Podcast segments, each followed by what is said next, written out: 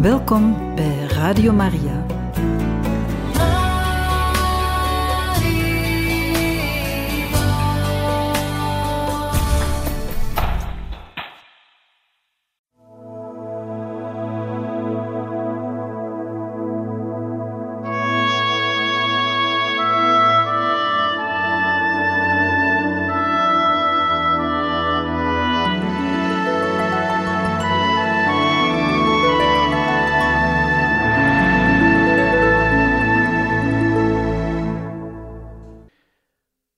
Paulus VI die nodigde in maart 1968 moeder Teresa uit om een huis te openen in Rome.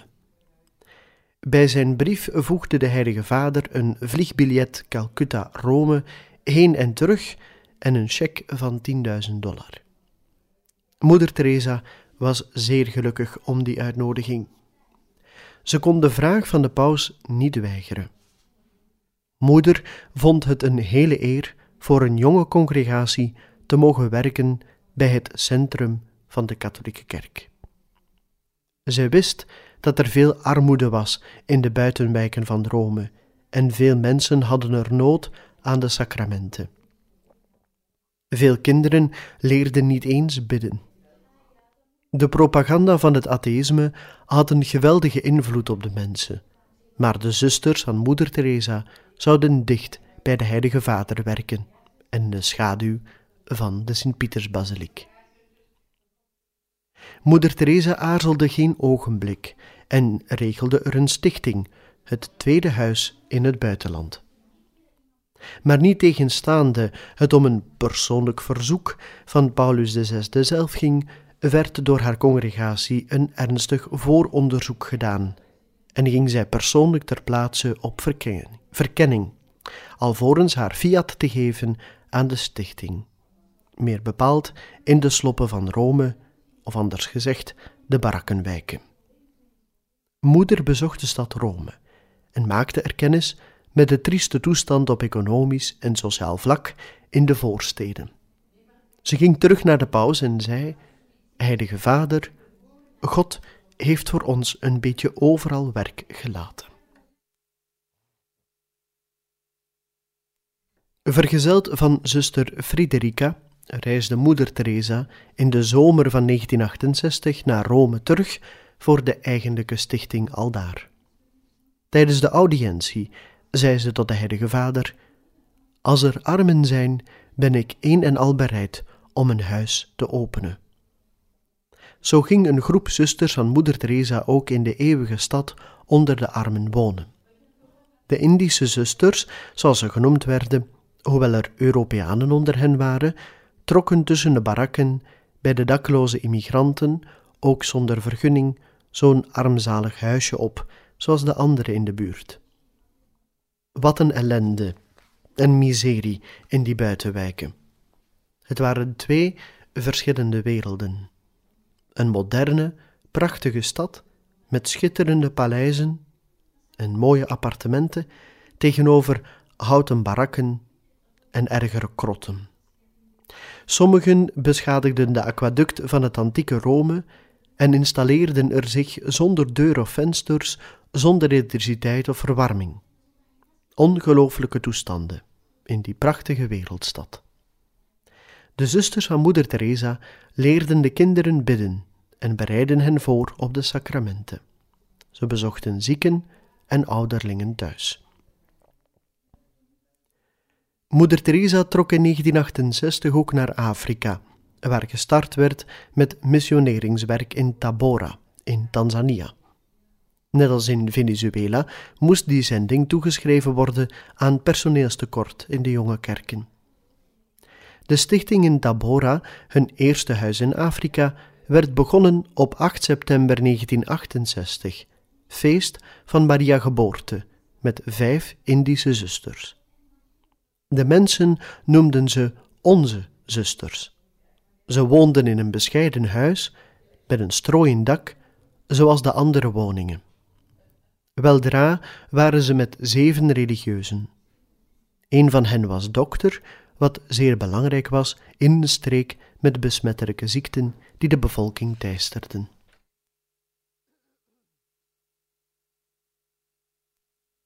Iemand die in 1968 voor het eerst in contact kwam met Moeder Teresa was Omer Tange, priester van het bisdom Brugge, waar hij toen diocesaan adjunct-directeur van de pauselijke missiewerken was.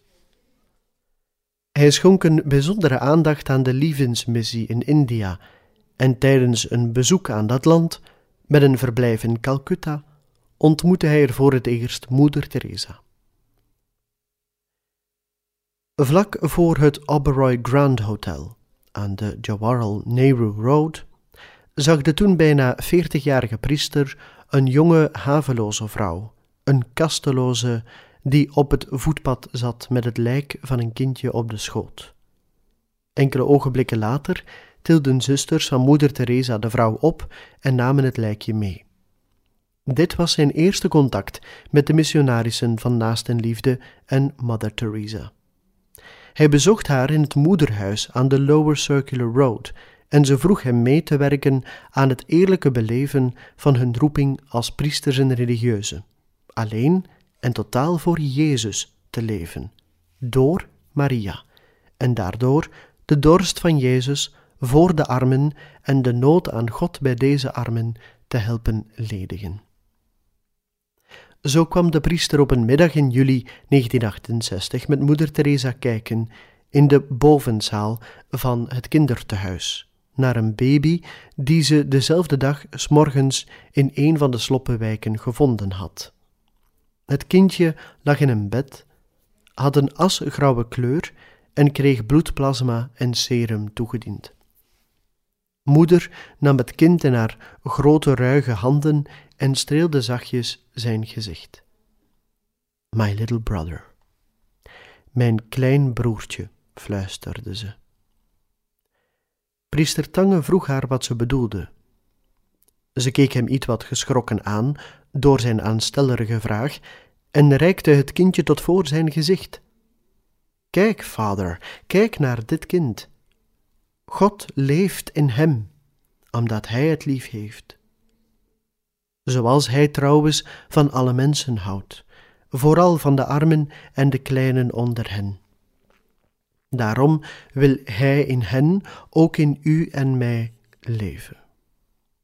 Wanneer God in ons verblijft en in ons zijn leven leeft, dan zijn wij eeuwig. We sterven niet meer. We worden vergoddelijkte mensen. In God zijn wij broers en zusters van elkaar. Zie je, ik ben missionaris geworden om dit aan de mensen te tonen en te zeggen: hier in India, waar de meesten dit niet weten, nog beseffen. Jij, vader, moet dit in Europa doen, waar zeer velen dit schijnen vergeten te zijn. Vanaf 1968 trok Omer Tange regelmatig naar Calcutta en Ranchi om er de band tussen de Vlaamse kerkgemeenschap en het bisdom Brugge met de aartsbisdommen Calcutta en Ranchi te verstevigen. Het zou in Calcutta, in de huizen van Moeder Theresa's congregatie, bezinningsdagen leiden over het godgewijde leven. Vanwege de Indiase regering verkreeg Moeder Teresa dat jaar de nodige vergunningen om medicijnen, voedsel en kledij in te voeren. Zelfs wanneer machines en ambulances moesten ingevoerd worden, diende zij alleen maar de nodige formulieren aan te vragen. De regering zou die vergunningen steeds graag geven, maar iedere zending moest steeds duidelijk aangegeven worden als free gift, een gratis schenking. Alle schenkingen dienden kosteloos te worden uitgedeeld aan om het even welke mensen, zonder onderscheid van godsdienst. Dat werd overeengekomen tussen Moeder Teresa en de nationale regering. Uit bijna alle landen van de wereld boden zich kandidaten aan bij Moeder Teresa. De algemeen overste voerde een numerus clausus in. Er konden telken jaren slechts 200 kandidaten toegelaten worden. En dat aantal zou de congregatie van Moeder Teresa ieder jaar moeiteloos bekomen. De zalige paus Paulus VI keurde op 26 maart 1969 de statutengoed van de International Association of Coworkers. Deze organisatie werd meteen aangesloten bij de congregatie van de missionarissen van Naastenliefde en leverde een belangrijke bijdrage ter bevordering van het werk van Moeder Teresa. Het was moeilijk, om niet te zeggen onmogelijk, om met enige preciesheid te bepalen met hoeveel ze waren, wegens een voortdurende groei van de organisatie. Ook legde de vereniging enige slordigheid aan de dag om nauwkeurige statistieken bij te houden. Er zijn medewerkers geweest vanaf het prille begin van de congregatie, zoals we al eerder hebben vermeld. De zieke en de lijdende medewerkers die niet konden meewerken wegens een lichamelijke handicap, ziekte of ouderdom, waren ieder verbonden met een bepaalde broeder of zuster missionaris van naastenliefde. Zij offerden hun pijn, lijden en gebed voor het werk en ontvingen daarvoor een tegenprestatie in de vorm van gebed. Voor de organisatie van de Sick and Suffering Coworkers kon Moeder Teresa rekenen op Jacqueline de Dekker. Toen de Internationale Associatie van Medewerkers door Rome erkend werd, werd Jacqueline de Dekker de International Link for the Sick and Suffering. In de loop der jaren zou zij elke broeder en zuster van Moeder Teresa's beide congregaties verbinden met iemand die ziek of lijdend was. Moeder Teresa ging in april 1969 op uitnodiging van Monsieur Warren, bisschop van Broken Hill in New South Wales in Australië, naar diens bisdom, want hij wenste dat ze met haar werk zou beginnen onder de Aboriginals. In juni 1969, op een ochtend na de Eucharistie in het moederhuis te Calcutta, vroeg de heer John McGee, een Australiër, aan pater Edouard Le Joly om hem te introduceren bij moeder Teresa. Hij opende zijn aktentas, haalde er een dik pak notas uit en gaf die aan de zuster. Zij nam de bundel papieren aan, gaf geen commentaar en begon te spreken over de mogelijkheden om te werken onder de armen in Australië, waar ze overigens nog maar net geweest was. McGee gaf haar ook een grote som geld voor de armen en drong aan om iets te doen voor de Aboriginals, die nog een primitief bestaan leidden en er de parias van de samenleving waren.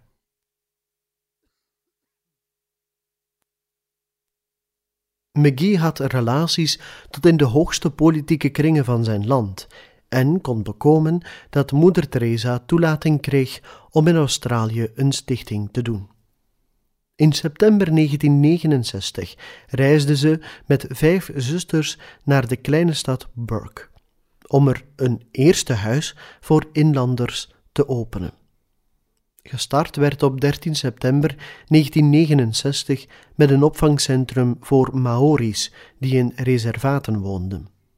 Ook de aartsbisschop van Melbourne, Monsieur James Knox, deed een beroep op moeder Teresa die hij gekend had in India. De congregatie van moeder Teresa was niet erg geneigd om gedetailleerde statistieken op te maken over hun prestaties. De religieuzen hadden andere dingen te doen. Toch weet men dat de missionarissen van naastenliefde in het jaar 1969 zowat 33.200 melaatsen en 623.018 zieken hebben verzorgd. In datzelfde jaar namen zij 1046 verlaten kinderen op. Wie een van moeder Theresa's huizen bezocht, bleef voor de rest van zijn leven onder de indruk van de evangelische armoede van deze zusters, van hun rustig godsgeloof en de blijde sfeer in hun huizen. Het was een feit dat de zusters van moeder Teresa bij voorkeur naar probleemgebieden gingen. De invloed van de missionarissen van naastenliefde op hun omgeving was opmerkelijk. Veel bisschoppen deden een beroep op moeder Teresa's congregatie, zodat het aantal stichtingen fors toenam. Het is niet de bedoeling om hier alle stichtingen ter sprake te brengen, want dat zou ons misschien te verleiden. Maar enkele voorname stappen in de ontwikkeling van het internationale werk van Moeder Teresa mogen volstaan. Op 19 maart 1970 deed Moeder Teresa een tweede stichting in Venezuela, om vervolgens een centrum voor immigranten en een foyer voor alcoholisten te openen in Melbourne. Zij vertrok op 26 april 1970 vanuit Madras met vijf zusters, met bestemming Melbourne, waar ze sanderendaags aankwam. Geholpen door de zusters van Lorito opende moeder Teresa er direct een huis.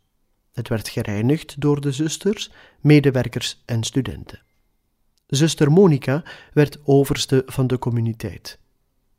De religieuzen wonnen langzaam het vertrouwen van de bevolking. Ze bereidden de mensen voor op de sacramenten en de gezinnen werden voorbereid op de toewijding aan het Heilig Hart. Er werd werk gemaakt om een huis te openen voor de rehabilitatie van alcoholisten en drugsverslaafden. Toen kwam eindelijk, na veel bidden, de beurt aan haar geboorteland. In Zagreb zei ze op 10 juni 1970 aan de Albanezen: Ik herinner me dat mijn moeder, mijn vader en al de anderen elke avond baden.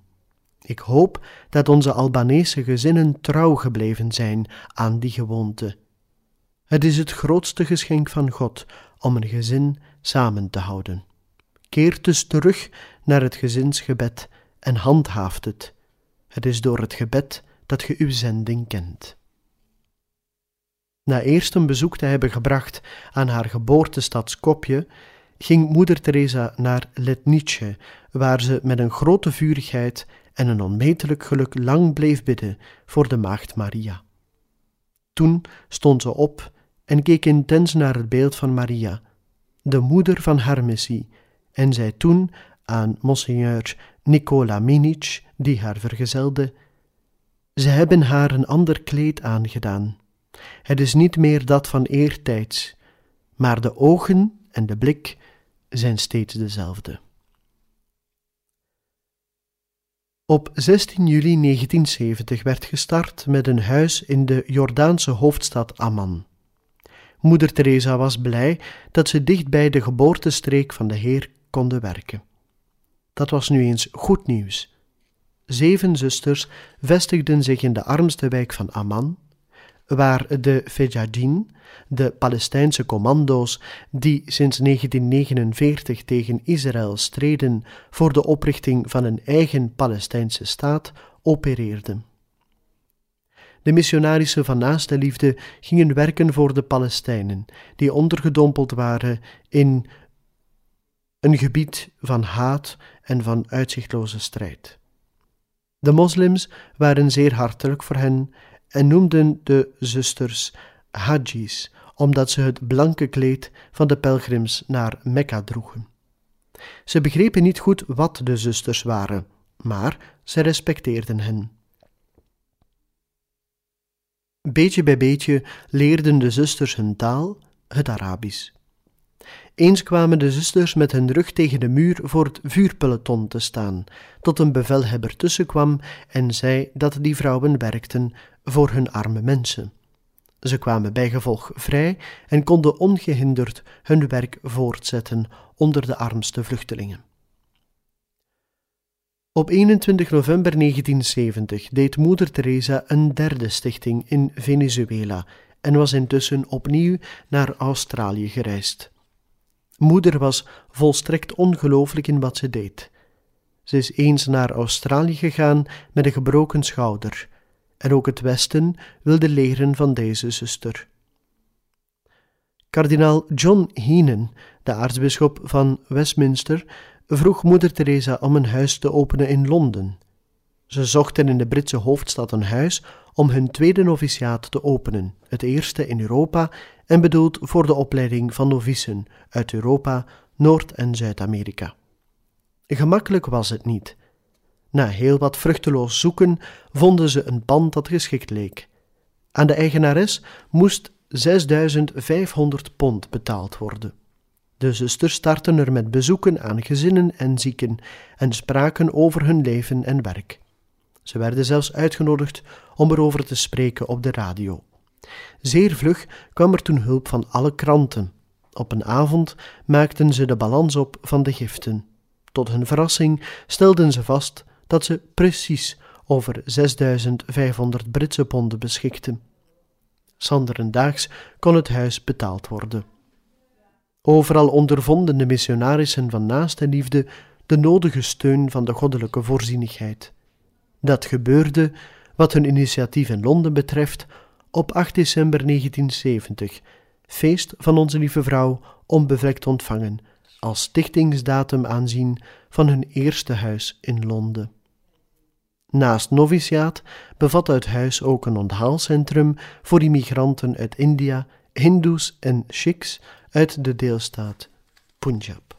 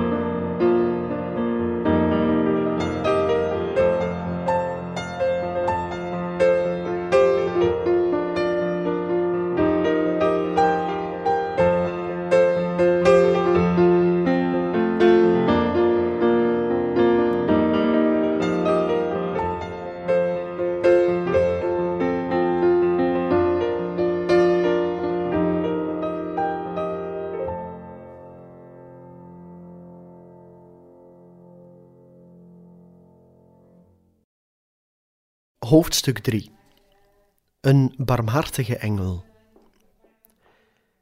De katholieke kerk waardeerde ten zeerste het werk van Moeder Teresa en haar zusters. De beslissing van Paus Paulus VI om haar de Vredesprijs Johannes de 23ste te geven, waaraan ook een flink bedrag verbonden was, toont dit duidelijk aan. In Moeder Teresa bracht de Heilige Vader hulde aan de duizenden en duizenden die zich voltijds inzetten voor de armsten onder de armen. Zij was een voorbeeld en een symbool van de ontdekking dat elke mens onze broeder is. In deze ontdekking ligt het geheim van de vrede die iedereen zoekt. De plechtige uitreiking van deze prijs vond plaats op 6 juni 1971. Toen moeder Teresa naar Rome moest gaan om de prijs in ontvangst te nemen, hadden al haar zusters daar een gratis toegangskaart. Maar zij zelf had geen enkele uitnodiging gekregen. Zij begaf zich naar het Vaticaan met het gewone openbaar vervoer met haar simpele sari aan. Het gevolg was dat ze, toen ze het Vaticaan wou betreden, tegengehouden werd door de Zwitserse wacht. De wachters wilden haar absoluut niet laten doorgaan. Moeder Teresa wist hoegenaamd niet hoe aan die vervelende situatie te ontkomen, toen, gelukkig, een bisschop aankwam die haar kende en de schildwacht opheldering gaf. Deze was stom verbaasd, kreeg het rood op de wangen en vroeg moeder Teresa vriendelijk en met krachtige woorden hem te willen verontschuldigen. Het was slechts dankzij die bisschop dat ze haar prijs in ontvangst heeft kunnen nemen die dag. De plechtigheid vond plaats in tegenwoordigheid van de paus, tal van kardinalen, bisschoppen en andere personaliteiten, het corps diplomatiek geaccrediteerd bij de Heilige Stoel enzovoort. Kardinaal Jean Villot, staatssecretaris, begroette moeder Teresa en zei dat het bijzonder moeilijk was om iemand te kiezen uit zoveel personen en instellingen door hun werken in dienst van hun broeders. Maar ze hadden moeder Teresa, geboren Agnes Boyakshu, stichteres van de missionarissen van naastenliefde, uitgekozen omwille van haar leven dat geheel gewijd werd aan de dienst van de armen, voor de verzachting die ze verleent aan de grootste smarten en om de godsvrucht waarvan ze blijk gaf bij de grootste rampen. Aan de prijs was 1,3 miljoen toen nog Belgische frank verbonden, een flink bedrag dat moeder Teresa zou besteden aan de melaatsenzorg. Ze zou er meer bepaald de leprosie Chantinegar bij Asansol mee uitbouwen. Ze zou uitgroeien tot een heus dorp met fatsoenlijke huisjes waar ongeveer 300 leprozen woonachtig waren, met winkels en ateliers waar hun eigen prothesen gemaakt werden. Voor de zusters van moeder Teresa werd een klooster gebouwd. Er werd ook een kapel opgetrokken, evenals een consultatiebureau voor ambulante gezondheidszorg. Sommige artsen en verpleegkundigen boden hun diensten aan. Moeder had geen tijd om stil te blijven staan bij haar zoveelste trofee en ging onmiddellijk aan de slag, want haar geliefde armen hadden altijd voorrang. Ze deed in juni 1971 een tweede stichting in Londen, namelijk een tehuis voor daklozen, die gewoonlijk de nacht doorbrachten in Stevens Garden. En op 14 juli 1971 werd een derde huis geopend in Londen, namelijk in Paddington. Op 25 augustus 1971 werd het centrum in Ceylon gesloten. In september 1971 ontving moeder Teresa te Boston de prijs van de barmhartige Samaritaan. En in oktober 1971 openden de zusters van moeder Teresa een huis van verzoening in Belfast, Noord-Ierland, toen het conflict in Ulster bleef aanslepen. Toen zij tijdens haar verblijf te Londen hoorde spreken van de burgeroorlog in Noord-Ierland en hoe de bevolking daaronder leed, verzamelde zij in Dublin een vierhonderdtal medewerkers en maakte haar intentie bekend om een huis te openen in Belfast. Het werd vlug gerealiseerd. Zonder dralen zetten de zusters zich aan het werk voor de ouderlingen en de talloze weduwen die hun, echtgen die hun echtgenoot in de strijd hadden verloren, en zelfs hun kinderen. Allen vonden in de zusters van moeder Teresa nieuwe moeders en een onmetelijke morele steun. Moeder Teresa ging inderdaad naar plaatsen in de wereld waar gewapende conflicten voor zoveel ellende zorgden. Op 16 oktober 1971 kreeg Moeder Teresa te Washington, D.C. in het Joseph Fitzgerald Kennedy Center for the Performing Arts de JF Kennedy Jr. prijs. Het doel van de Joseph Patrick Kennedy Jr. Foundation is het doen van onderzoek naar de oorzaken van retardatie of vertraging in de geestelijke ontwikkelingsgang en de behandeling ervan. JF Kennedy Jr. was een van de vier zonen van Joseph Patrick Kennedy Sr. en kwam om in Wereldoorlog II. De stichting was tot stand gekomen doordat Rosemary Kennedy verstandelijk gehandicapt was. Edward Moore Kennedy, senator, was voorzitter ervan. De plechtigheid in Washington, D.C. werd bijgewoond door de Kennedy-clan. Aan de prijs was zo'n 15.000 Amerikaanse dollar verbonden, een heel bedrag. Moeder Teresa kocht ermee een landgoed aan, gelegen bij de luchthaven in Dum in Calcutta, waar een tehuis voor lichamelijk en geestelijk gehandicapte kinderen opgericht werd, dat het Nermal Kennedy Center werd genoemd, en waarmee een dispensarium en een boerderij verbonden werden. Twee dagen later werd een huis geopend in de wijk Bronx in New York. Zusters van Moeder Teresa namen hun intrek in een verlaten huisje op een plaats waar de politie niet meer durfde te komen. De zusters ontfermden zich over verlaten en arme kinderen. Ze werden aanvaard wegens hun eenvoudige dienstbaarheid. Moeder Teresa, die een eredoctoraat wijsbegeerte en lettering kreeg aan de Catholic University of America, dankte ervoor en liet de prijs in ontvangst nemen door een vaste medewerker. In 1971 maakte India zijn grootste crisis door sedert zijn onafhankelijkheid. Bijna 10 miljoen vluchtelingen uit Oost-Pakistan kwamen als een vloedgolf het land ingestroomd. Vele honderden zusters, broeders, paters en seminaristen leverden in de vluchtelingenkampen prachtwerk. De zusters van Moeder Teresa leidden het vluchtelingenkamp Salt Lake, even buiten Calcutta, waar zich tienduizenden vluchtelingen bevonden. De moeilijke levensomstandigheden gedurende en na de oorlog, de verschillende epidemieën, de lepra inbegrepen, maakten de reeds overweldigende, verpletterende ellende ondraaglijk, zodat vele miljoenen mensen Oost-Pakistan hadden verlaten en de vlucht hadden genomen naar de buurlanden, vooral naar India, om aan de dood te ontsnappen. Voor India, dat reeds genoeg problemen had, was het een zeer zware klap. Moeder Teresa was evenmin onverschillig gebleven voor die situatie in de vluchtelingenkampen en kwam er helpen met haar zusters. Grootste slachtoffers van het geweld waren de vrouwen en jonge meisjes, maar het geweld trof ook de wezen en ouderlingen. Na verkracht te zijn geweest, hadden vele vrouwen, omwille van de schande, zelfmoord gepleegd. Anderen hadden hun kinderen gedood bij de geboorte of hadden de kinderen laten aborteren. Nog andere vrouwen waren, volgens het Hindoe-gebruik, door hun familie weggejaagd. Moeder Teresa ontfermde zich over hen en nam het op voor het leven. Het wijze gezegde van Tagore indachtig dat elke geboorte van een kind een teken is dat God het nog niet moe wordt. Senator Edward Kennedy bracht een bezoek aan Calcutta op dat moment. De regering had het programma voor hem uitgewerkt, maar hij verlangde daarentegen zich persoonlijk te vergewissen van de toestand en vroeg om een vluchtelingenkamp te komen bezoeken.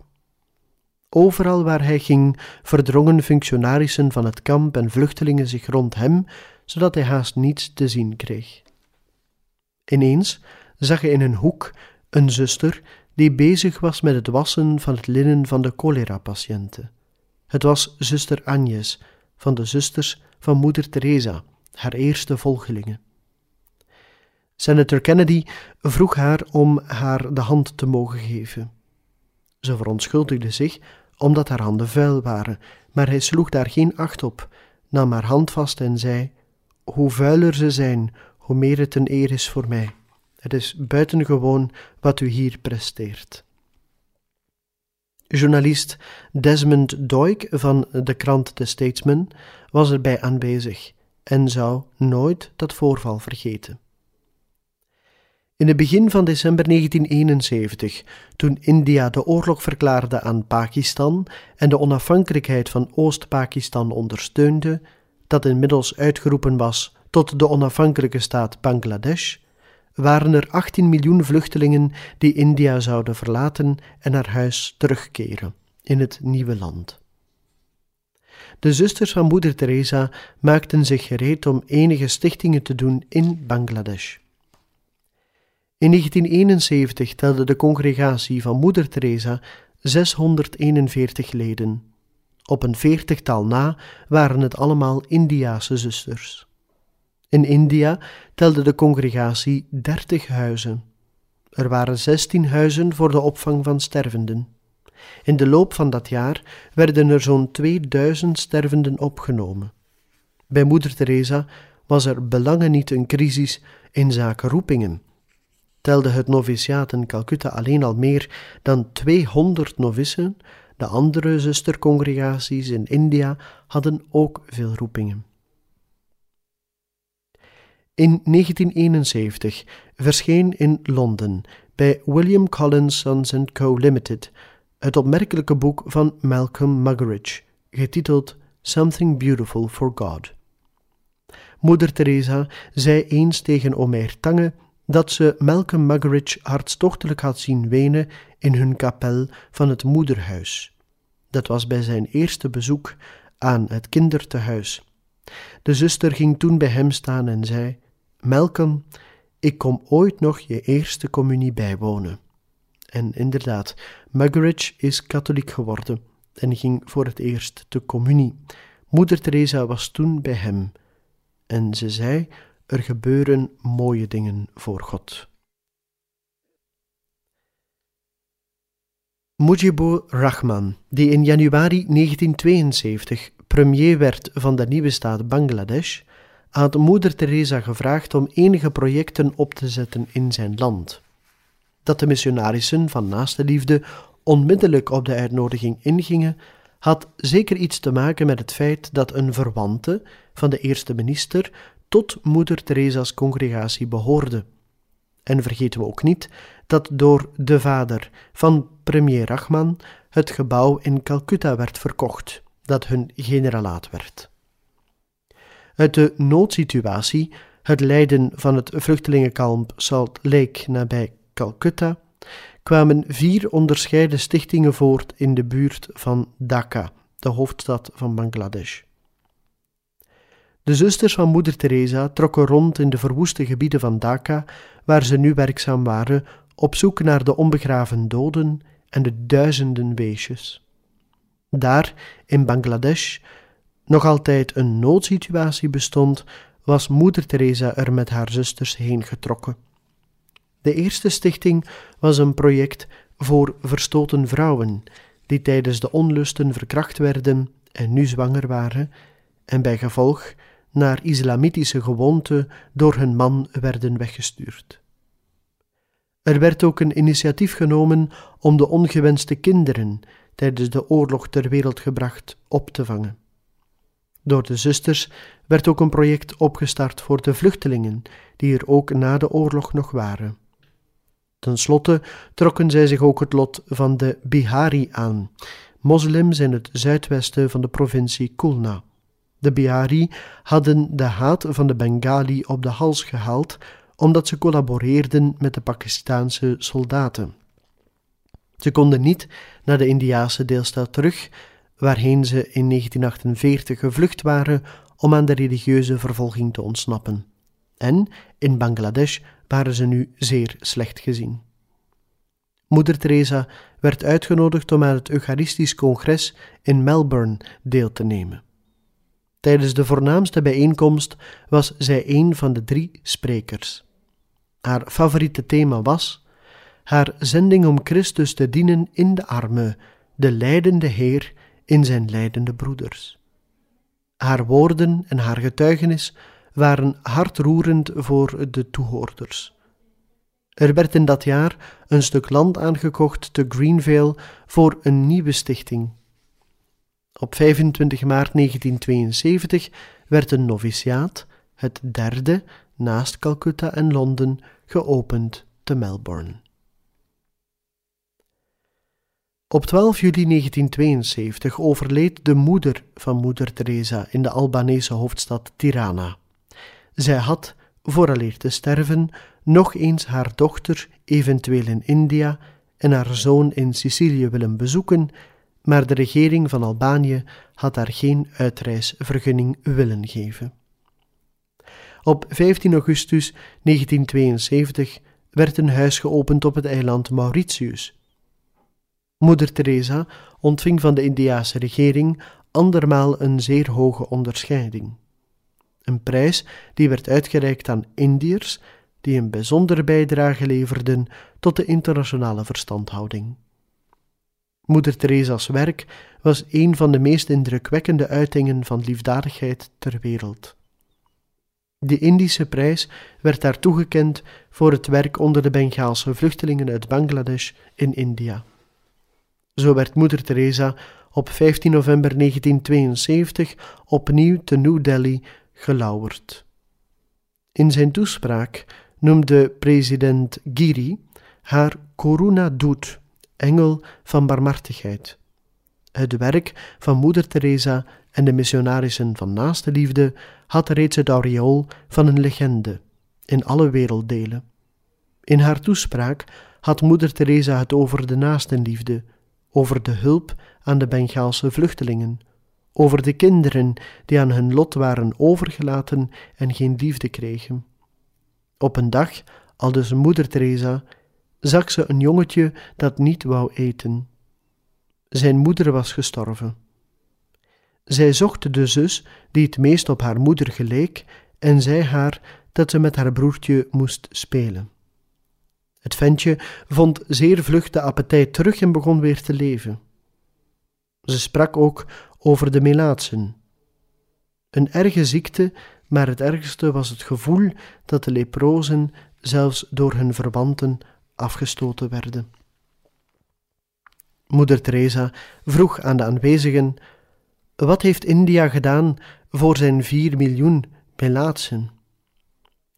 Die toespraak ontroerde veel toehoorders, in het bijzonder premier Gandhi, die evenals tal van ministers en personaliteiten op de prijsuitreiking aanwezig was. Voor moeder Teresa naar een of andere plechtigheid moest gaan, bad ze eerst in de kapel van het moederhuis, opdat ze de nodige inspiratie zou hebben voor hetgeen ze moest zeggen. Er ging geen dag voorbij of ze werd uitgenodigd voor het bijwonen, bijwonen van een causerie, een religieuze plechtigheid of voor een ziekenbezoek. En als moeder dan weer thuis was, kwamen de gewone mensen om een gift te doen, een foto te vragen, een probleem voor te leggen, haar zegen te vragen. Moeder Teresa's dagtaak verschilde vanzelfsprekend wat van die van haar medezusters. Ze moest op de duur zowat de helft van het jaar besteden aan het bezoeken van haar kloosters, overal in India en in het buitenland. Als moeder weg was, konden haar zusters haast geen enkele beslissing nemen. Een gebruikelijke vraag in het generalaat te Calcutta was: wanneer komt moeder terug? Moeder Teresa moest op inspectie voor een nieuwe stichting, een ontmoeting met de plaatselijke bisschop of geestelijke. Ze was geen genie, had wel gezond verstand en was in alles zeer eenvoudig. Ze werkte zeer hard, was praktisch aangelegd en efficiënt.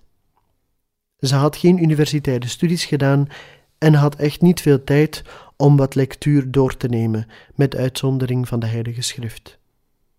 Op het einde van de dag, nadat haar zusters waren gaan slapen, trok moeder Teresa zich terug in haar kleine bureel voor wat administratief werk en om de correspondentie door te nemen. Ze wou niet dat een of andere jonge zuster dat moest doen. Insiders wisten dat men haar dan kon opbellen want het enige dat moeder in het moederhuis op gebied van moderne apparatuur voor communicatie dulde, was een telefoontoestel. Na het eerste of tweede belgerinkel nam ze de hoorn op met de woorden: Yes, Mother Teresa speaking. Moeder ging uiterlijk om twee uur slapen en stond om twintig voor vijf vaak alweer op.